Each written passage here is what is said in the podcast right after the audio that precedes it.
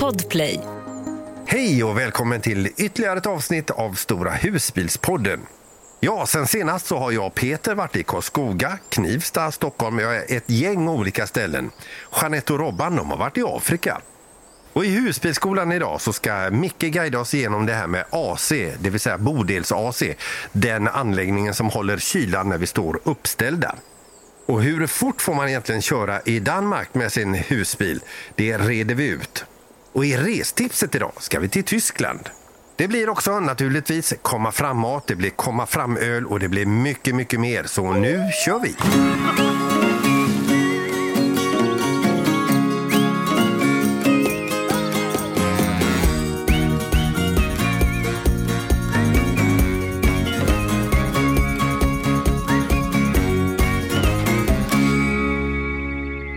Peter, vi är ju väldigt nyfikna på... Du har ju varit iväg på en eh, tripp här nu, så jag är jättenyfiken. Vad är du? Vad är du?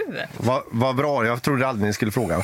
eh, nej, men vi har varit ute på en liten roadtrip eh, med husbilen. Det har varit eh, väldigt skönt och vi har väl eh, någon eller två dagar kvar.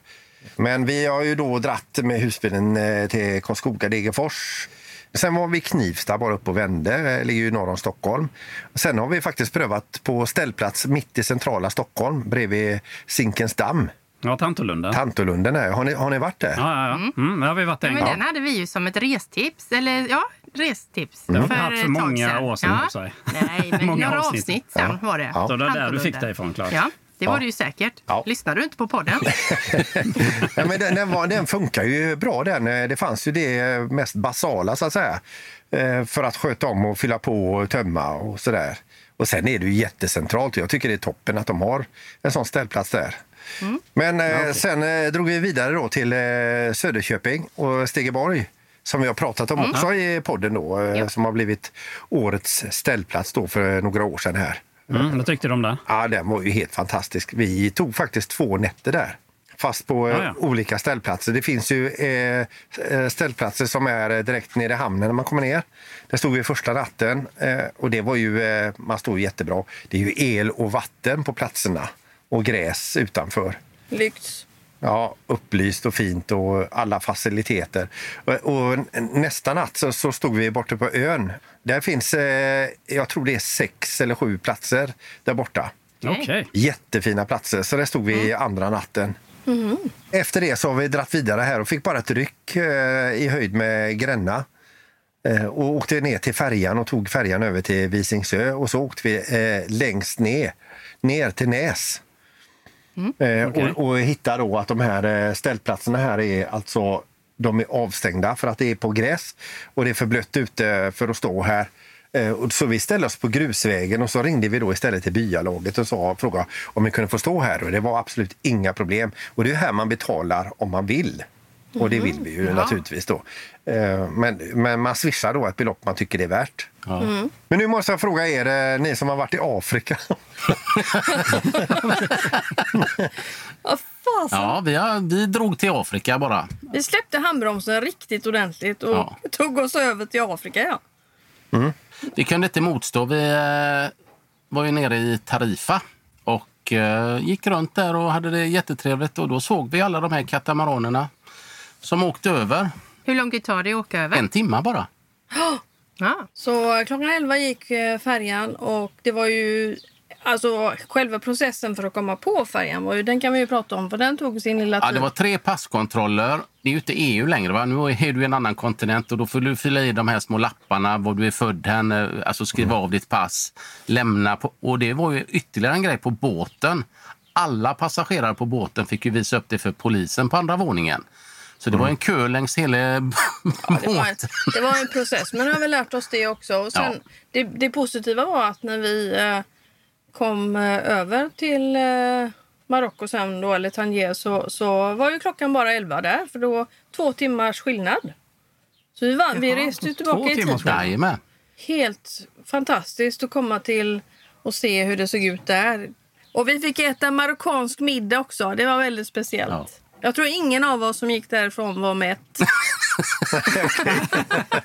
det var, det, det, om man säger chokladmiddagen som vi har ätit, den var lyx, lyx, lyx. Oj. Ja. Mm. Ja. Micke och Nilla då? Ja, vad ska vi säga efter allt det här?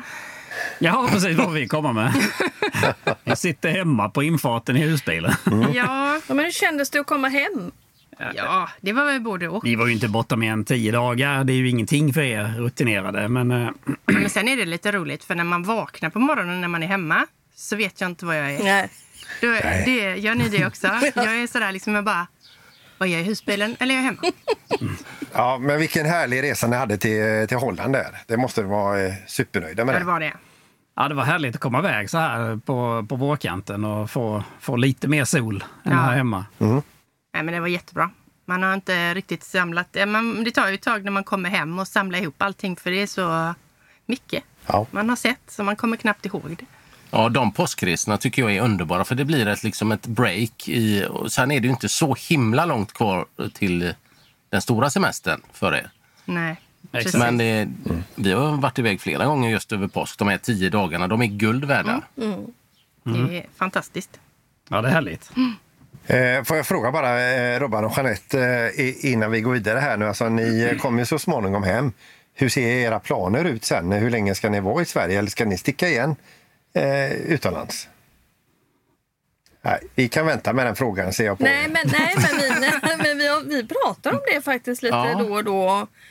Ehm, vad, liksom hur man känner för det här. Och vi, vi försöker ju också, som du sa Nilla, där, att det är mycket att smälta när man är iväg. Och, och vi, vi har ju sagt att den här resan är ju lite en, en test. Ja. Och se hur vi tycker det är att vara iväg så här länge i husbilen. Och, och leva i husbilen. För att jag menar, nu har vi varit iväg, jag vet inte ens hur länge vi har varit borta. Elva men- veckor tror jag det. Men vi har ju hela tiden varit på rull eh, kan man väl säga. Mm. Och nu kommer vi dra ner tempot ganska mycket. Nu ska vi försöka kanske hitta lite ställen. Stanna en, två veckor, alltså göra, bygga upp sitt lilla camp. eh, Fram med grillen, den kan stå framme. Och ha den här känslan att man bara öppnar dörren och har sina möbler ute. Det längtar vi faktiskt Ja. lite efter nu.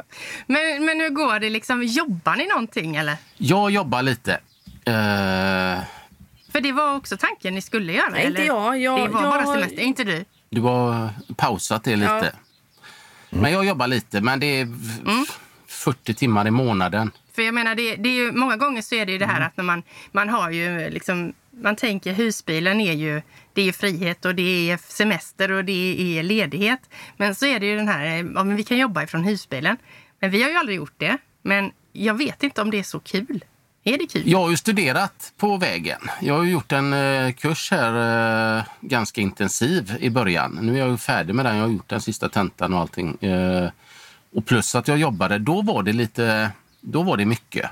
Eh, Men, men då måste jag flika in där, för jag tycker nog, jag förstår lite vad ni också tänker, men jag, jag, jag uppskattar nog den här grejen att man har någonting som man sysselsätter sig med. Och vi pratar väl lite grann också om att vi, vi tycker om att leva lite som vi gör hemma också. Det här att man, man är ute och man gör utflykter på dagarna när man är ledig då till exempel och man inte jobbar då. Men att man gör saker på dagen och man liksom, men sen så blir våra rutiner på kvällen lite som vi har hemma. man, man fångar eh, dagsljuset ute här på ett annat sätt. Sen kryper ju vi ju in. Det har ju varit lite kyligt på vägen ner och så vi har ju suttit och mm, haft det jättetrevligt. Men då har ju jag, man pluggat, jobbat när det har varit mörkt ute och haft, ja. Och Vi kollar ju på Robinson och de här serierna som man gör hemma och liksom följer det. Och Ja. Jag vet inte, jag tycker vi lever en vardag som vi kanske hade gjort hemma också. Ja. Ja, men det ska bli kul ändå att höra när ni har kommit hem sen till Sverige och det har gått två, tre veckor och se liksom hur ni ser på det i, i backspegeln sen.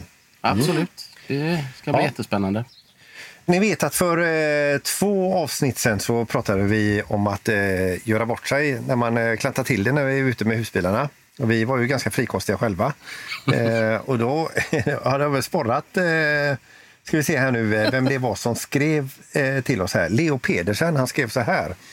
Apropå att göra bort sig, komma på natten och klämma in sig mellan två bilar och på det dra ur grannens elkabel och koppla in sig själv. Låter det som en påhittad historia? Icke, detta hände Gränna hamn eh, på påsk, skriver Leo. Var det han som gjorde det, eller var det, nog någon inte annan? han. Han blev nog utsatt eller drabbad, va? Nej, men, ja, men, ja, det, det, det, det, Tror du inte det var en granne till honom som kom och körde in emellan? Ja, men ni, ni tror inte att det var han som klämde in sig? Och drog Men ut alltså, det grannens hoppas man ju inte. Men då måste han ju dratt ut någon och stått in... Ja, ja okej. Det är ju spännande. Ja. Det, här, det här måste vi ju få reda på. Ja, men Ja, det, vi måste reda Ja. ut här nu. Vem, vem som Ja.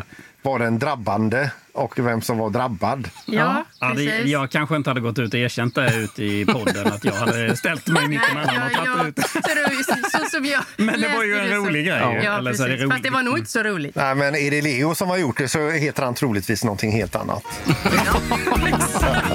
Ja, precis.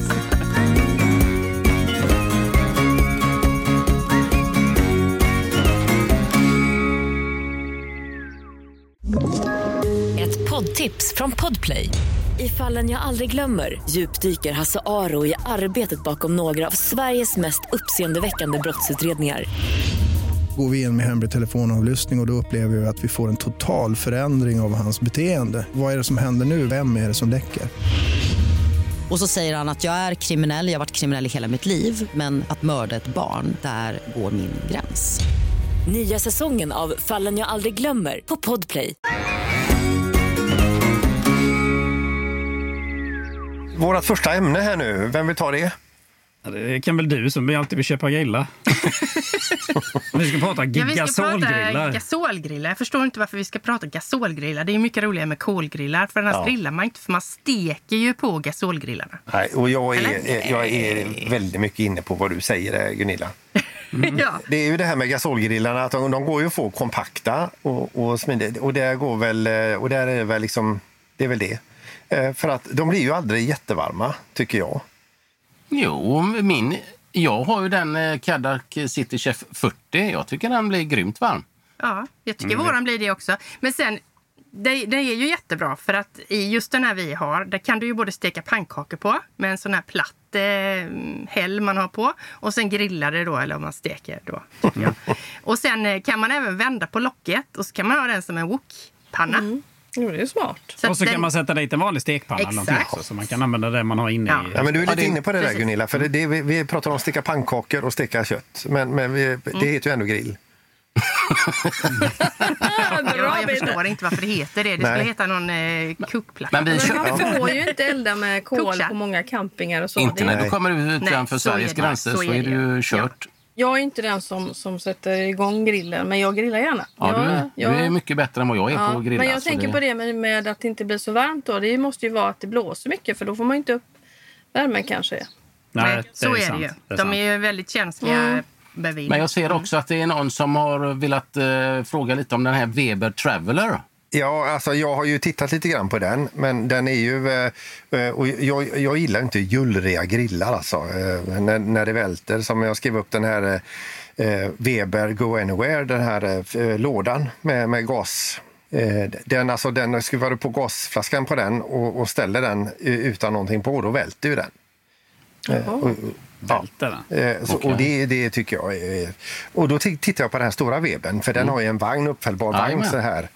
Eh, Den har vi hemma. rejäl, så- Ja, men jag har sett den som hade med den i husbilen och den tar ju en del plats. Alltså. Ja. Det är ju, eh, det är ju ingen, eh, den försvinner ju inte, så att Nej. säga. I, Då, då är det väl oftast de som har väldigt stora garage. Concorde och Morello. Kabel. Där de sväljer. Ja, men vad jag vill komma in på det är om det alternativet kunde varit kol.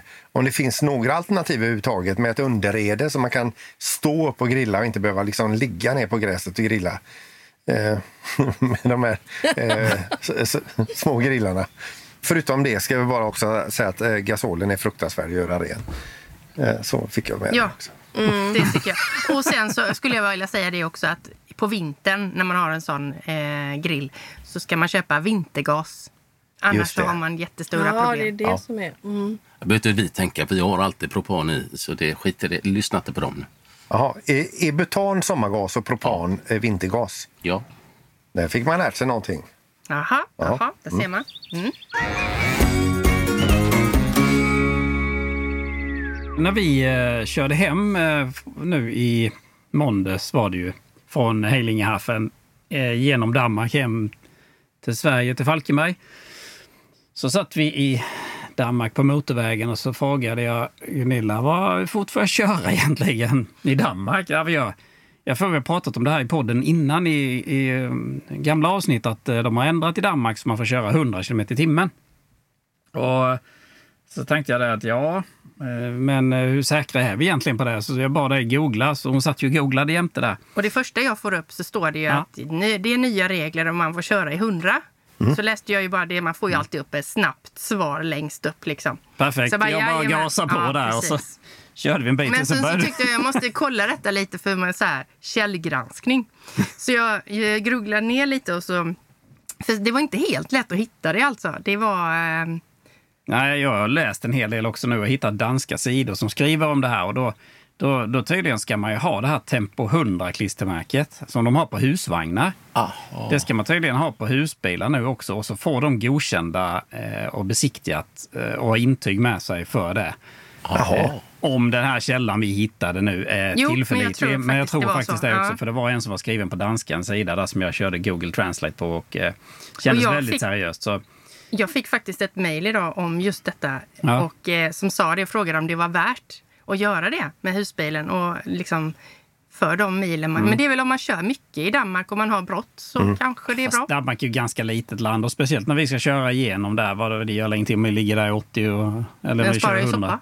Ja, det är både billigare och sen slipper du åka till Danmark och göra den här besiktningen och sätta på ett fult klistermärke bak på. Och, Mm. ja, nej, jag tycker vi, vi fortsätter köra 80 i Danmark. Ja. Ja. Det, det är väl det de har både i Tyskland och i Frankrike på husvagnarna. Man ser både 60, 80 och 100 eller vad det nu. Men alla Mm. får väl besikta sina ekipage för att få det go- godkänt. Men nu kanske jag ställer en Precis. jättedum fråga här då. Men jag tänker nu våra uppdaterade GPSer och navigatorer som vi pratade om förra avsnittet. Vad, ska det inte stå där hur, mycket, hur snabbt vi får köra då? Ja, vi som lägger in vikt och det. Ja. Ja, man tycker ju Eller? det. Tycker man ju, Ja. tycker man ju kanske. Men vi har också reagerat Så, över det Så faktiskt. AI är de nog inte. Nej, och sen såklart kan ju eh, hastigheten ändras på vägar utan att det uppdateras Mm. i GPSerna där. Så att nej, jag tror inte de vågar ta den risken och, och bli stämda för någonting där. Utan man får nog öppna ögonen Här i Spanien får vi bara köra 90 på motorvägar och 80 på landsvägar. Och det står ju GPSen. Den är ju väldigt tydlig med det hela tiden. Jaha. Alltså, gör den det? Ja. Okej. Ja, det är fiffigt ju. Men detta gäller alltså, jag vet inte om du sa det, men det gäller ju tunga husbilar. Ja, Ja. allt över 3,5 Ja. ton naturligtvis. Under 3,5 ton Ja. går som personbil Ja. och då följer man skyltarna helt och hållet bara. Men då kanske Precis. är en och annan som frågar, är det någon som får fortkörningsböter i, i Danmark? Vi känner en, Ja, Kan vi inte prata om det? Men jag har inte fått se bilden ännu Peter. Nej du, jag, jag var inne i biblioteket idag för jag tänkte jag borde ju ha tagit en, eh, fotograferat av den men jag hittade inte. Men ni ska få se den. Jag är inte så nöjd med böterna för de var ju danska kronor också. Det blev lite dyrare. Jaha. Det enda som var bra med det då, det var som jag nämnt tidigare, då, att bilden blev ganska bra på mig. Vi har fortfarande inte fått se den ju. Nej. Nej, men ni ska få se den. I promise. Ja. Mm, ja, men det är trevligt. Det hoppas vi. Då Mikael, då är det dags för vad då? Nu kör vi Husbilskolan, del 12.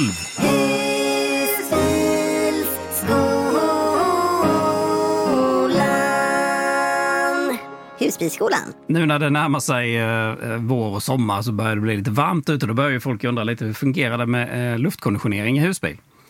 Eh, man sitter och tittar på annonser på Blocket och tittar. Det är luftkonditionering, det är AC och grejer. Och det man ska tänka på då är ju att man måste skilja på det. det. Luftkonditionering i bildelen är en sak. Den kan du ha igång när du kör.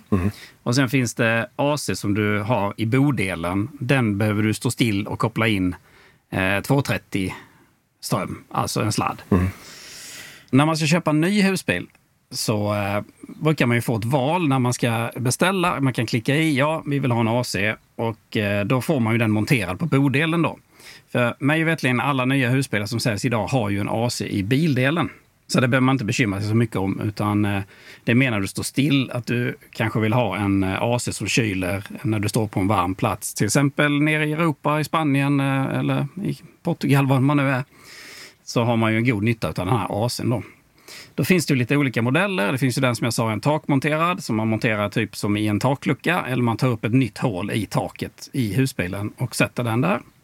Sen finns det ju även de som är golvmonterade, som en, eh, en eh, frigolitlåda. En eh, ganska stor låda som man kan gömma undan i något lastutrymme eller i dubbelgolv om man har en stor husbil. Och sen drar man slangar därifrån upp till tak. Lite högre upp ska de här slitta utsläppen för att blåsa ut kall luft. Då. Ni har ju en AC, Robert och Jeanette, som ni kör faktiskt utan att stå inkopplad på ström. Jajamän. Vi eh, bytte ju AC inför denna resan. Så vi köpte en Vibasto 240. Okej, ni har bytt AC? eller? Ja, vi hade en Dometic innan, Ja. men eh, vi har bytt. Eh, ja, så den, när jag ändå slängde i litiumbatterierna och allting så hjälpte de till faktiskt så att vi kan köra AC'n en timma, eh, min, ja, som mest egentligen eh, bara på batteriet när vi frikampar. Så på kvällen kan man dra på den och så kyla ner husbilen och så kan man lägga sig. Gött. Men det är inte jättelång tid man får, utan man behöver oftast köra mer än en timme om det ska bli Ja, riktigt men vi har Så är det. Mm. 80 ampere kvar så man kanske kan dra till lite till. Men eh, den drar ungefär 100 ampere på en timme. Okej. Hur, eh, hur upplever ni, behöver ni AC'n hemma i Sverige? Använder ni den där någonting? Nej, det gör vi Det Nej. inte. upplever ju vi nej, i alla fall nej. att vi nästan aldrig Aldrig. gör här hemma i Och vi Sverige. har inte använt den än eh, för att kyla. Eh, Så, så pass varmt har det inte varit där. Men däremot har jag använt fläkten bara för att, att köra runt eh, luften. Mm. Och då drar den inte mycket alls. Bara för att liksom putta undan luften. Ja, ja, det kan göra mycket. Ja, Men jag tror att man använder kanske fläkt mer om man har husdjur. Ja. För att AC. eh, ja, AC'n och, och att man inte kanske kan... Om man lämnar hunden i husbilen så måste man ju ha och kyla ner bilen om man är borta en stund. Det är många som skaffar en AC för just eh, den, den anledningen, eh, även i Sverige då. För det kan ju bli varmt i bilarna i Sverige också när du står på en camping och du lämnar din hund. Du ska gå till en restaurang eller gå in till stan eller åka iväg och göra någonting. Så man lämnar den en kort stund. Men det man ska tänka på då är ju att hur säker är du på att inte säkringen går i stolpen? Att det inte är någon jordfelsbrytare som löser ut, att den stannar så att det blir varmt i husbilens eh, för hunden. Eh, vi vågar ju inte lämna vår hund länge kan jag ju säga eh, med AC'n igång när det är riktigt, riktigt varmt. Jag förstår Nej, det. det förstår jag verkligen. Så Det är det, det, lurigt. det ska man tänka på. Man Men kan inte lita på man det kan hemma. ju sätta upp såna här termometrar också som Mm. man kan kontrollera i telefonen. För då ser man ju om det blir varmt också. Om man nu... Precis, man kan ju skaffa såna här eh, smarta hemprylar och koppla in en termometer till exempel. Så du kan titta i din telefon lite då och då. Så du ser om, eh, om temperaturen håller sig i en rimlig nivå för hunden. Men spontant är ju inte en AC en avgörande faktor om det inte finns i en husbil att man inte kan köpa den då. För Nej. det, man Nej, använder inte den så inte. ofta som man tror. Ja, det är väl på högsommaren när det är 40 grader, men det är det ju inte i Sverige. Men eh, nere i Europa kan det ju vara väldigt tufft. Men det, det, det man får ju huvudet, man får ju tänka vad, vad, vad ska du använda och hur. Precis. Men ni som har varit där nere och eh, söderöver och använt era AC när det är riktigt varmt ute, ni, ni känner att de, att de täcker upp, att de, att de räcker? Ja. Nej. Nej, Alltså, gör inte det? nej inte förra året. Eh, Jo, men det får du väl ändå säga. Vi 45 grader, den stod på 16 grader Mm. Det Den jobbade som den skrek, det hände ingenting. Men det Jag var en det var- Nej. extrem. Står du på dagtid och mitt i solen så kan du inte räkna med att du kan få 20-25 grader inne. Utan den kyler så mycket det går. Men om du står i solen med 40 grader, 45 grader, du kanske får en 30-35 grader in i Ja. bilen. Men det är ju ändå den här luften du känner. Det är skillnad du kommer utifrån och in. Du känner den här kylda luften på något sätt. Det är stor skillnad Ja. ändå. Men du kan inte räkna med att få på dagtid mitt i solen. Speciellt med de här stora rutorna vi har i husbilar. Och, alltså det, det är jättesvårt. Men på nätterna däremot, när man är utomlands, i Kroatien som vi ofta är i, och där, där kan ju vara mm, 25-30 grader på nätterna. Då är det jättegott att ha en AC som går på natten om den är tyst. Ja. Men eh, Det har jag haft problem med. Men Micke och Nilla, ni känner att eran AC har, liksom, har räckt till? Ja, ja. det. Men vi har ju oftast stått eh, på sådana, alltså vi har oftast träd ovanför. Lite skugga är aldrig fel. Precis. Men det kanske man också ska tänka på när man beställer en AC, så att man beställer en AC som klarar av den storleken på bil man har. För en, en del eh, AC eller kanske är, är ju för en viss längd av, av bil. Och så tänker man då Precis. att nej, men den är mycket billigare så vi tar den.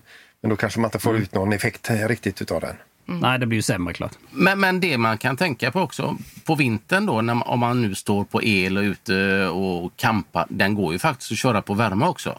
Ja, det gör den. Det, det har vi testat några gånger i denna faktiskt. För den värmer upp rätt fort Ja. när du kör på den på, på värme. Men sen dånar den ju för mycket tycker jag ju för att sitta Ja. där och titta på tv med den igång. Liksom. Det, det, Jo, men det är även väl så det att ha en alderpanna, att det går ju inte så himla fort att, att skapa värme direkt. Utan, men sen är ju värmen fantastisk när den kommer. Men då kan man ju pytsa på Ja. med eh, eh, den funktionen på AC'n eh, och vända den och göra Exakt. värme istället Exakt. tills man får en bra bra. värme. Så. Mm. Ja. Det är super. Det räckte väl för denna gången med Husbilsskolan om AC. ja, underbart. Jättebra.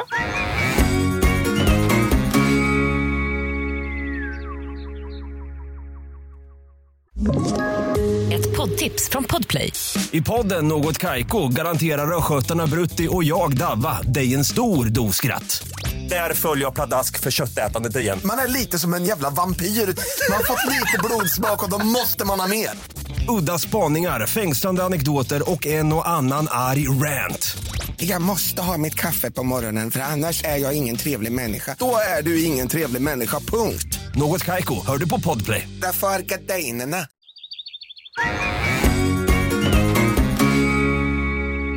Nu ska vi köra ett restips. Vem, är, vem, vem känner sig manad? Ja, men då är det ju faktiskt eh, Robert och jag som eh, vill eh, komma med ett restips eh, här idag. Och det jag vet att vi har pratat om, eller ni har pratat om tidigare, om restips till Tyskland. Men det, Tyskland är ju stort. Och nu är det väl så att vi allihopa börjar längta efter lite goa varma dagar med kritvita sandstränder och pina colada i handen och den där goa känslan. Eran vardag ord. Ja. så då, då tänkte jag så här att vi måste ju tipsa om Ja, men det är väl återigen att man inte behöver åka så himla långt. Utan eh, kör ner till norra Tyskland. Den, den kusten är magisk. Ja, då är man ju ute i Europa redan Ja. och får den här utlandskänslan direkt. Och då är det Timmendorfer strand som vi har varit på flera gånger faktiskt. Flera gånger. Det är en jättetrevlig stad. By. Den är ju känd då för sin långa sandstrand eh, vid Lübecksbukten. Vi bodde på både ställplats någon gång och camping har vi bott på. Jajamän. Och den ställplatsen som vi var på senast den heter Scarboits eh, Hamburgerring. Den eh, hittade vi via Park for Night. Supertrevlig ställplats, jättemysigt. Man står liksom som en liten ring och på morgonen kommer det någon bil och tutar och säljer bröd och frallor och sånt där. Så att, sånt gillar man ju då. Ja. Och du har ju hur fin sandstrand och lång strandpromenad. Alltså det är så fint där. Du får fylla i. Och det är ju hundvänligt också. Ja, stränderna och gå och strosa där. Nej, men det är jättefint. Men det man ska tänka på att oftast får man väl betala det. Att det kostar ju alltid någonting i Tyskland när du ska besöka stränderna. De tar ut en avgift för det. Om det är inte många kronor, men det är två euro eller vad det är, tre euro för att f- få beträda deras stränder. Och det gör man i samband med Okej. ställplatsavgiften då. Eller campingplatsen. Eller campingplatsen. Så får man ett litet kvitto att du har betalat. Och det är väl så eh, även om man ska ha ström eh, eller tömma sin eh, toatank och så vidare, att man ska ha med sig euro för det, det, det ska in euro nästan överallt. Ja, Ja, stämmer. Att, att det är bra Helt att ha korrekt. fickan full. Men det är ganska fiffigt för du betalar ju liksom bara för ståplatsen. Betal, behöver du inte fylla så gör du inte det. Då kostar det inte mer. Så egentligen är det rätt smart tänkt ju. Men det är ett jäkla meck att hålla på med massa mynt hela tiden. Ja, det är dumt att stå där med kortet, för det funkar inte. Ja. Nej. Och, och ropa det. Jag har massa euro på det här kortet. Men det syns inte. Det hjälper inte när du ska stå där och tömma din toa. Jag sparar gärna på en euros och två euros och lägger en liten eh, portmonnä som vi alltid har. Men Jeanette är ju alltid där och norpar för att ja, men det, vi betalar så mycket.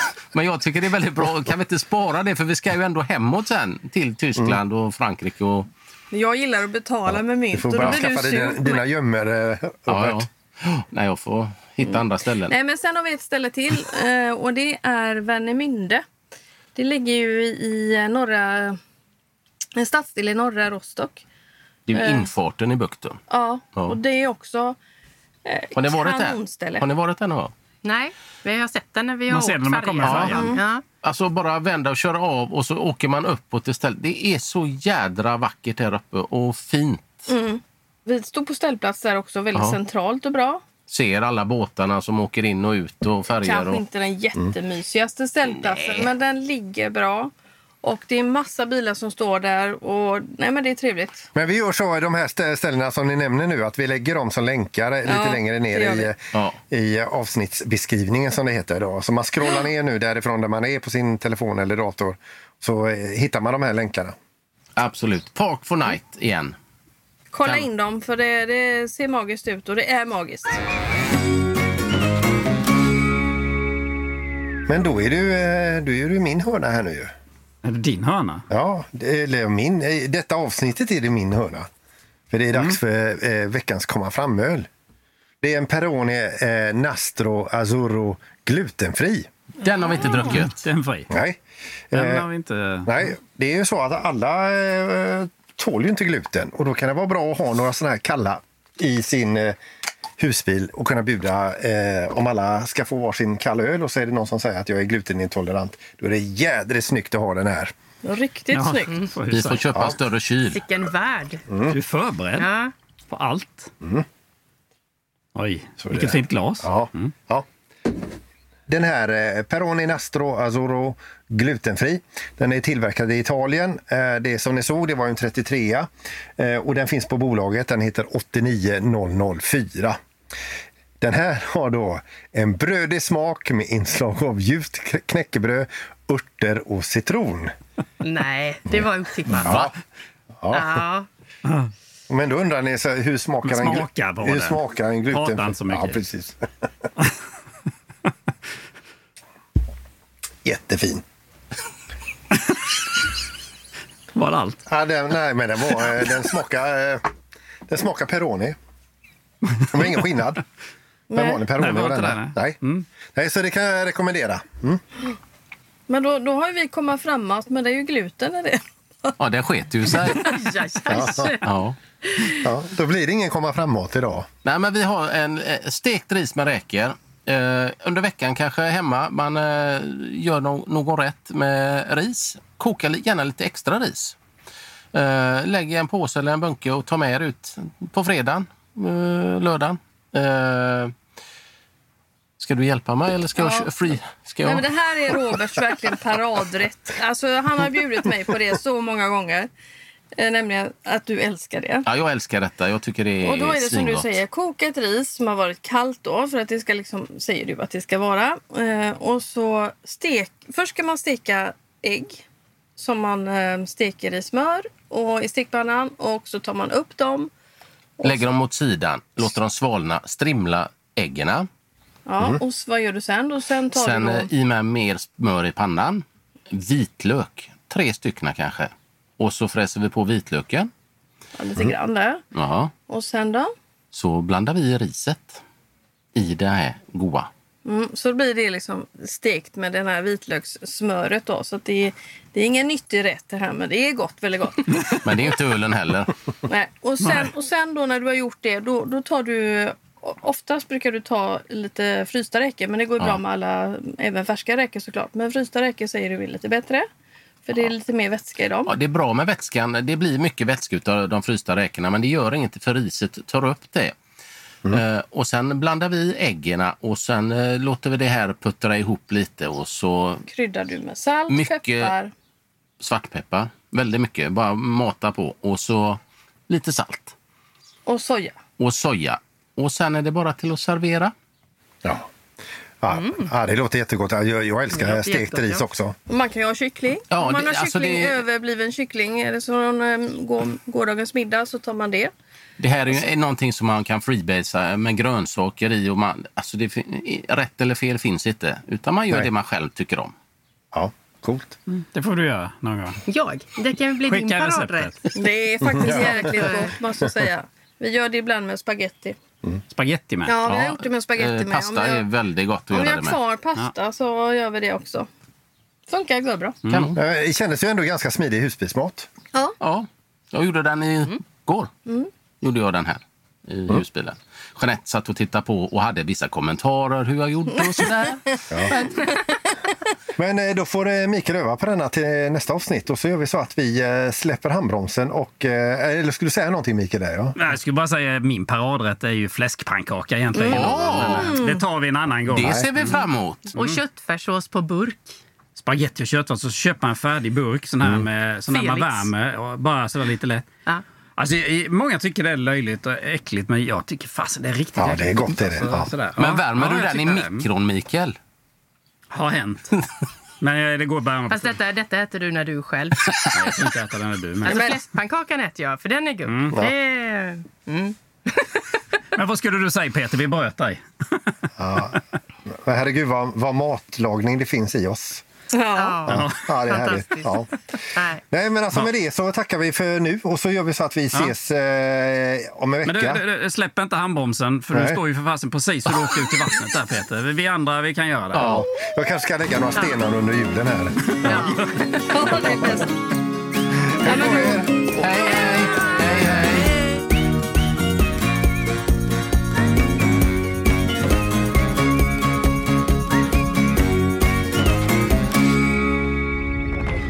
Podplay, en del av Power Media. Ett poddtips från Podplay. I fallen jag aldrig glömmer djupdyker Hasse Aro i arbetet bakom några av Sveriges mest uppseendeväckande brottsutredningar. Går vi in med hemlig telefonavlyssning och, och då upplever vi att vi får en total förändring av hans beteende. Vad är det som händer nu? Vem är det som läcker? Och så säger han att jag är kriminell, jag har varit kriminell i hela mitt liv men att mörda ett barn, där går min gräns. Nya säsongen av Fallen jag aldrig glömmer på Podplay.